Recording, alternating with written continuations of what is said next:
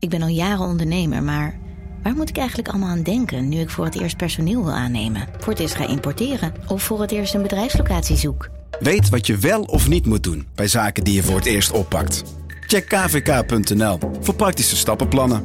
KVK, hou vast voor ondernemers. Al 125 jaar kwaliteit voor jou thuis met Miele. Dat vieren we met jou. Ontvang nu tijdelijk een cashback tot 125 euro op veel Miele-apparatuur. Geniet van de kwaliteit van Miele. Voor perfect verzorgd wasgoed en kleding die veel langer mooi blijft. Voor een stralend schone vaat, even perfect als jouw diners. En een stofvrij thuis waarin echt hygiënisch schoon de standaard is.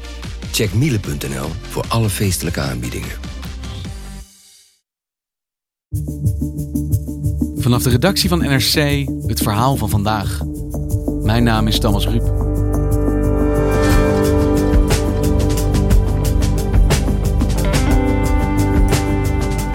Het is de hoogmis van de wereldeconomie.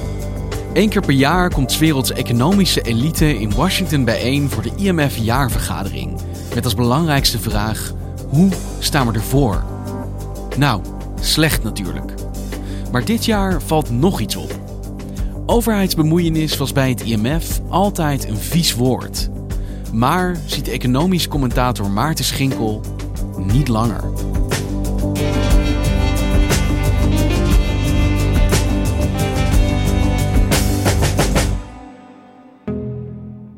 Hey Maarten, jij bent druk deze week. Je bent drukker. Wat is er aan de hand?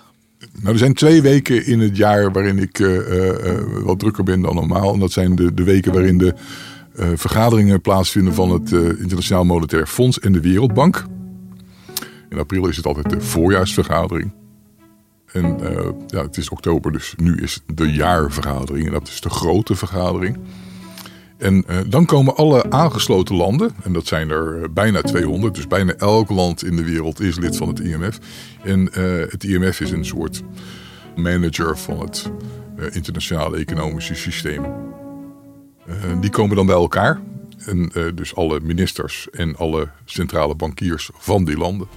When the world needs cooperation, but crisis keeps us apart, we bring the world's leaders together virtually to share solutions so we can build a path to recovery together. Join us at the annual meetings. En uh, ja, normaal zit iedereen dan in, in Washington. En uh, voor, uh, ja, voor iedereen, maar zeker ook voor een journalist, is het eigenlijk een hele grote snoepwinkel waar je in terecht komt. Maar ja, jij zit nu hier tegenover mij. ja, ja, iedereen is thuis. Interpretation Channel 1. Well, good morning, everyone, and welcome to this press briefing on behalf of the International Monetary Fund. Please raise your hand virtually um, or use the chat function when you have a question. Want als deze vergadering zo belangrijk is, dit een moment is in het jaar waar iedereen bij wil zijn, waar je ook zelf zegt als economisch journalist, dit is voor mij zo'n vruchtbaar moment, werkt dit wel dan op afstand? Kunnen ze wel nog iets gedaan krijgen? In besluitvormende zin denk ik wel. Um, ik denk wel in alles eromheen, het, het sociale aspect, uh, wat echt heel belangrijk is. Hè. Mensen moeten elkaar kennen. Dat, dat vervang je natuurlijk niet. Interpretation Channel 2. Wat er gebeurt aan de vooravond van die vergadering, uh, laat het IMF een paar rapporten het levenslicht zien. Uh, en de belangrijkste daarvan is, is wat ze noemen de World Economic Outlook. Dat is een heel lijvig rapport met allerlei prognoses voor hoe de economie er uh, de volgende jaren voor staat. Ja, en die uh, diagnose die, uh, werd afgelopen dinsdag bekendgemaakt. En zoals we al vermoeden is die niet al te best. In our latest World Economic Outlook, we continue to project a deep recession in 2020. In het voorjaar toen die crisis net losbrak, toen kwam het IMF met de voorspelling voor de hele economie. Die zou krimpen met, uh, met meer dan 3% in uh, 2020, in dit jaar dus. Uh, daar schrok iedereen al enorm van. De wereldeconomie krimpt eigenlijk nooit. Daarna is er een tussentijdse voorspelling gedaan. Dat doen ze altijd in de zomer, klein voorspellingje om een beetje een update te geven. Dat werd opgevoerd tot, tot een procent of 5, krimp van 5 procent. Global growth is projected to be minus 4.4%, which is a small upgrade from June. Nu is de voorspelling iets beter dan in de zomer, maar hij is wel slechter dan aanvankelijk in de lente werd gedacht. Relatief goed nieuws dan nog. Nou, kijk, de omstandigheden zijn zo dat ook deze voorspelling, net zegt het IMF, ook met hele grote onzekerheden omgeven is. Dat is het probleem eigenlijk het hele jaar al. Het, het, het, het, het, voorspellen van de economie, voor zover je dat kan en voor zover er een economie is, hangt heel erg samen met het voorspellen van het virus, het verloop van het virus, het verloop van de pandemie. De economie voorspellen is nu de pandemie voorspellen en dat kunnen we nou eenmaal niet. Precies, precies. En als eigenlijk dit cijfer, wat natuurlijk een van de grote momenten is van deze IMF-conferentie, uh, zo onzeker is, met welke les loop je dan wel weg deze week? Uh, dat is eigenlijk maar één woord en dat is uh, overheid. Overheid. Overheid. Staat. Overheid. Wat je nu hoort, en dat is echt opvallend, is een, is een, een emancipatie van de rol van de staat in de economie. Dat is in economische kringen, de beleidskringen, al een beetje aan de gang. Hè. Dat, dat borrelt al. En nu zegt het IMF dat de staat kan een rol spelen, een gunstige rol spelen in de economie. Government should continue to provide income support to households and work to preventing rising bankruptcies and job destruction through supporting vulnerable but viable firms. Dat was in IMF-kring daarvoor not done. Dat deed je niet. Now, over time, as the recovery strengthens, policies should shift to facilitating a reallocation of resources towards sectors that are growing, like e-commerce, away from sectors that are shrinking. En het is opvallend dat het IMF net zoiets komt. Dat zij juist zeggen, overheden, nou treed maar wat actiever op hier. Ja, en daarmee gaan we eigenlijk een nieuw tijdperk in. Wat er nu gebeurt is eigenlijk een herwaardering van de rol van de overheid. En dat moet je zien hè, door, de, door de decennia heen als een soort enorme golfbeweging. In de jaren 30, hè, grote depressie, wat moesten we doen? Nou, dan komt een econoom, die heet John Maynard Keynes, en die zegt... eigenlijk moet je de begroting van een overheid moet je inzetten om de economische golf te dempen. But meanwhile, British trade will have received an enormous stimulus, much more than most of us have yet realized. Nou, dat was verslagen nieuw. Uh, na de oorlog uh, is, zijn er welvaartsstaten opgebouwd. Ook vanwege de sociale rust die dat met zich meebracht. Maar ook omdat de arbeider is ook je consument. Het heet nog niet zo, maar het is er al wel. De consumptiemaatschappij. Dus de koopkracht in een samenleving moet bereikt worden door goede lonen te betalen, door sociale uh, verzekeringen op te tuigen. We kunnen het zo gek niet bedenken of het komt binnen ieders bereik. De haute cultuur, de nieuwe trend, de vierbaansweg, de auto op afbetaling. In de jaren 70 liep dat allemaal spaak. Hè? Hoge inflatie, economische stagnatie. Twee verschijnselen waarvan men niet wist dat ze samen zouden kunnen optreden.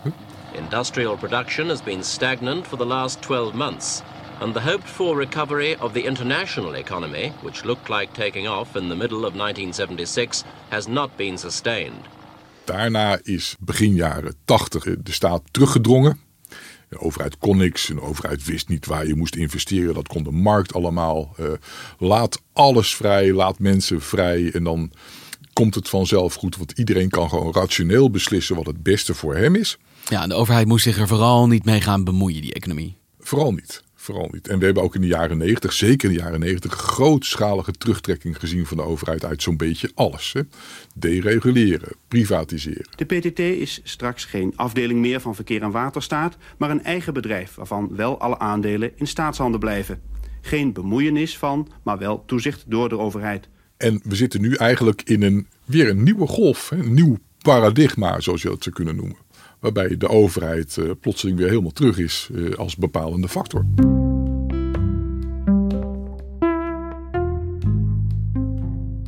En waarom nu? Waarom wint dat idee opeens weer aan kracht? De economische problemen waar wij nu in zitten, die zijn het directe gevolg van de coronacrisis. Maar we moeten niet vergeten dat de coronacrisis ook kan verhullen dat er al heel wat mis was met die economie daarvoor. De economie groeide traag, de productiviteit nam mondjesmaat toe. We hadden al negatieve rentes om die economie maar op te jagen. Uh, dat zijn we nu allemaal aan het vergeten. Maar er was al een crisis. En die is door de coronacrisis eigenlijk gewoon veel beter zichtbaar gemaakt. Uh, dus er werd ook al langer nagedacht over wat moet je doen. Zijn de ideeën die we hebben over economisch beleid misschien verouderd? Moet er iets nieuws komen? En er is heel lang gezocht naar allerlei alternatieven. En een van de stromingen die nu bovenkomen is uh, de herontdekking van de staat. Ja, het is een ontwikkeling die anders langzamer zou zijn gegaan, maar die wel in gang was gezet, die nu opeens eigenlijk tot een, ja, een draai lijkt te leiden. Ja, uh, overheden hebben nu een grote rol. Want niemand anders dan de overheid kan zeggen de cafés moeten dicht. Dus de, de tijd lijkt rijp om deze intellectuele draai definitief te maken. En dat is denk ik wat er nu aan de, aan de hand is. En als het IMF nu zegt: oké, overheden, kom op, je mag weer sterker optreden, dit is helemaal terug van weg geweest. Wat bedoelen ze dan precies? Wat voor een maatregelen moet je dan aan denken? Um, je niet druk maken over begrotingstekorten. Nou, dat is zeker in het noorden van Europa is het echt iets totaal nieuws. Hè? Uh, je hebt het Wopke Hoekstra ook al zien doen, hè? onze minister van Financiën in het voorjaar. Hij zegt: Oké, we gaan gewoon, we maken een noodpakket.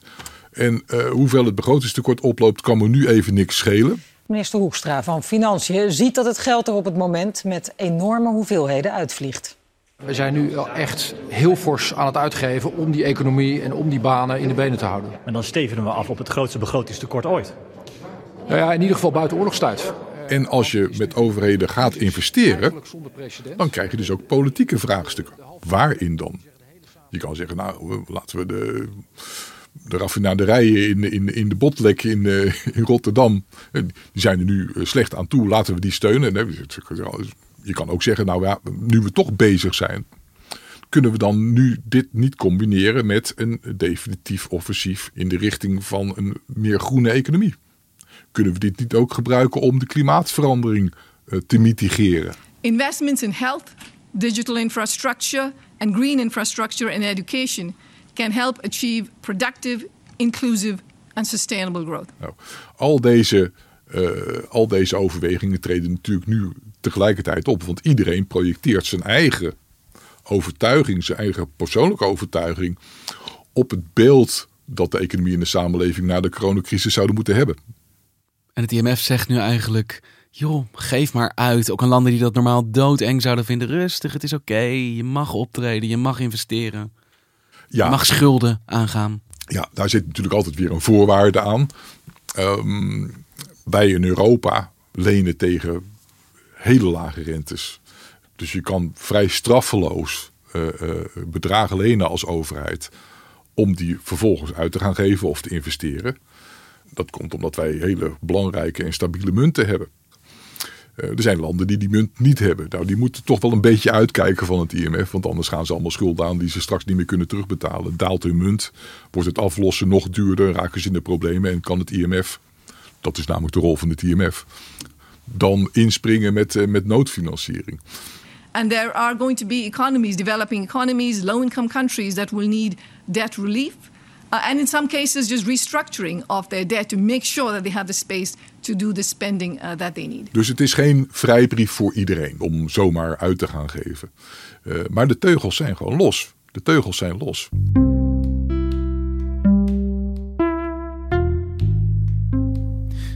We het hebben over Nederland, hoeveel waarde hecht Nederland doorgaans aan zo'n oproep van het IMF? Of anders gezegd, uh, hoeveel effect gaat dit voor ons hebben? Dat het IMF nu zegt: oké, overheden, treed maar wat meer op.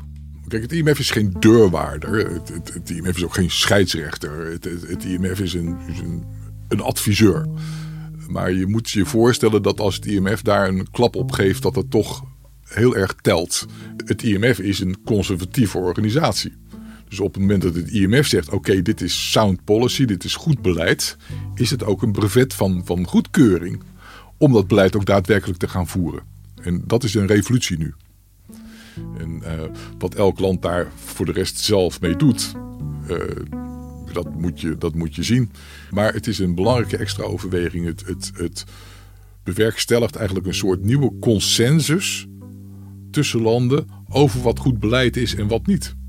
En het geeft de overheden dus ook wat wind in de rug. Kijk, het IMF zegt het ook, dus we zitten misschien op de goede weg. Je hoort het de minister van Financiën zeggen. hey, en Maarten, ik moet het toch eventjes weten. De vorige keren hadden we het steeds over wat ik inmiddels het alfabet van de ondergang ben gaan noemen. Namelijk de vorm die onze crisis heeft. En je had het van een V, diepe daling, snel eruit, tot een U, een langere bodem, maar je komt er wel weer uit. Tot een L, je valt en je blijft hangen. Tot de vorige keer een crisis in de vorm van een I, wat zo'n beetje vrije val recht naar beneden is. Welke letter zie jij nu opdoemen uit de mist? Uh, nou, twee. Um, de W. Die was je vergeten, de W. Hè? De, de dubbele dip. Oh god, ja. ja. Mijn excuses. Uh, uh, het zou kunnen dat we nu zeg maar in een W verzeild raken. De tweede golf van de, van de corona, coronacrisis. Dus je valt, je komt eruit, je valt weer, maar je komt er ook wel weer uit. Ja, als je, als je zeg maar deze zomer zou beschouwen als iets van eruit komen, dan wel ja. Ehm, een nieuwe is, uh, ik kwam hem tegen, en ik weet niet van wie die is. Ik kwam hem tegen bij een uitzending van de Amerikaanse zender CNBC. Toen iemand het had over een K, de K-vormige recessie. En ik vond hem echt fantastisch. I wish you were like that. It's rich person in Robin The K-shaped recovery. Yeah. The K-shaped recovery.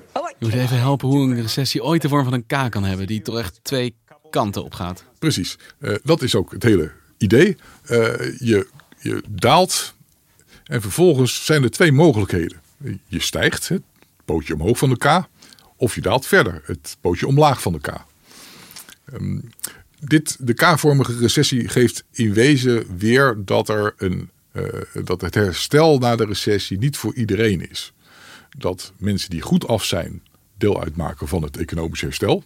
Het bovenste pootje van de K. Het bovenste pootje van de K. En dat de mensen die slecht af zijn uh, deel uitmaken van het dalende pootje van, uh, van de K. En dus gewoon heel langdurig in de problemen blijven. En dus deze recessie zou, als die K-vormig is, de ongelijkheid in een samenleving kunnen vergroten. Dus dat idee van corona als de grote gelijkmaker, wat je in het begin wel eens hoorde, namelijk iedereen kan corona krijgen, of je nou arm bent of rijk, dat lijkt niet helemaal uit te komen. Destijds had je het, het, het, inmiddels befaamde filmpje van Madonna die in haar bad met, met rozenblaadjes zich, uh, zich beklaagde over haar lot. Hè, dat het ons allemaal trof. It doesn't care about how rich you are, how famous you are. Uh -huh. uh, dat is terecht met, met de hoon overladen van... wacht even mevrouw, u zit in uw villa. Wie heeft eigenlijk die rozenblaadjes in uw bad gedaan? Hè? It's the great equalizer. Dus dat, dat nee, nee, de coronacrisis is niet de grote gelijkmaker. Er zijn zoveel verschillen die door de coronacrisis eigenlijk gewoon vergroot zijn. Uh, dat uh, de K-vormige recessie uh, op dit moment een redelijk adequaat concept is als je niet uitkijkt. En die oproep van het IMF voor overheden om meer op te treden, kan dat die letter ook nog veranderen? Kan dat dan ja, van die K, ik, ik weet niet, een E maken? nee. Zou ik of een C? nou, wat, uh, wat je ziet is, waar we het over hadden, als je de overheid ook een grotere rol geeft, dat je daar ook een, een, een veel krachtiger politieke agenda aan, vast kan hangen. En een deel van die politieke agenda is uh, wat, wat uh, ook het IMF noemt inclusieve groei. Groei en herstel, waar iedereen van profiteert zodat de ongelijkheid in de samenleving uh, niet door deze pandemie uh, nog wordt vergroot ook. Within countries uh, we are encouraging governments to ensure that income support is provided and to as best possible keep jobs so that once the recovery is much more stronger people can return much faster to productive jobs. En die ongelijkheid, daar iets tegen doen, zit dus ook in die oproep van het IMF. Overheden, doe wat, maar let ook op dat dit geen K wordt. Ja, dat is ook een, een voorbeeld van zeg maar, de afnemende kilte die die organisatie uh, op dit moment kenmerkt. Dat is al een tijdje aan de gang. Het was een vrij kille technocratische organisatie. Ja, het, het, het zachtaardige werd altijd overgelaten aan de Wereldbank. Uh, en eigenlijk is uh, sinds de eeuwwisseling uh, ook het IMF veel meer bezig gegaan met schuldverlichting van arme landen, armoedebestrijding, dat soort zaken. Het IMF is er nu voor iedereen. Ik hoop het wel. Ik hoop het wel, Thomas. Dankjewel, Maarten.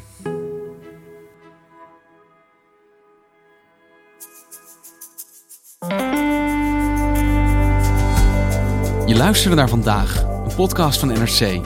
Eén verhaal, elke dag. Deze aflevering werd gemaakt door Ido Havinga en Felicia Alberding. Chef van de audioredactie is Anne Moraal.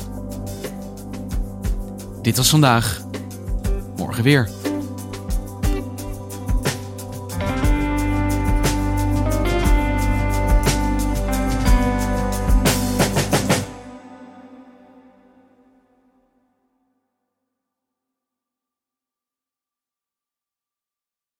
Technologie lijkt tegenwoordig het antwoord op iedere uitdaging.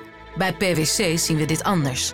Als we de potentie van technologie willen benutten, kunnen we niet zonder een menselijk perspectief. Human-led, tech-powered noemen we dat. Ga naar pwc.nl.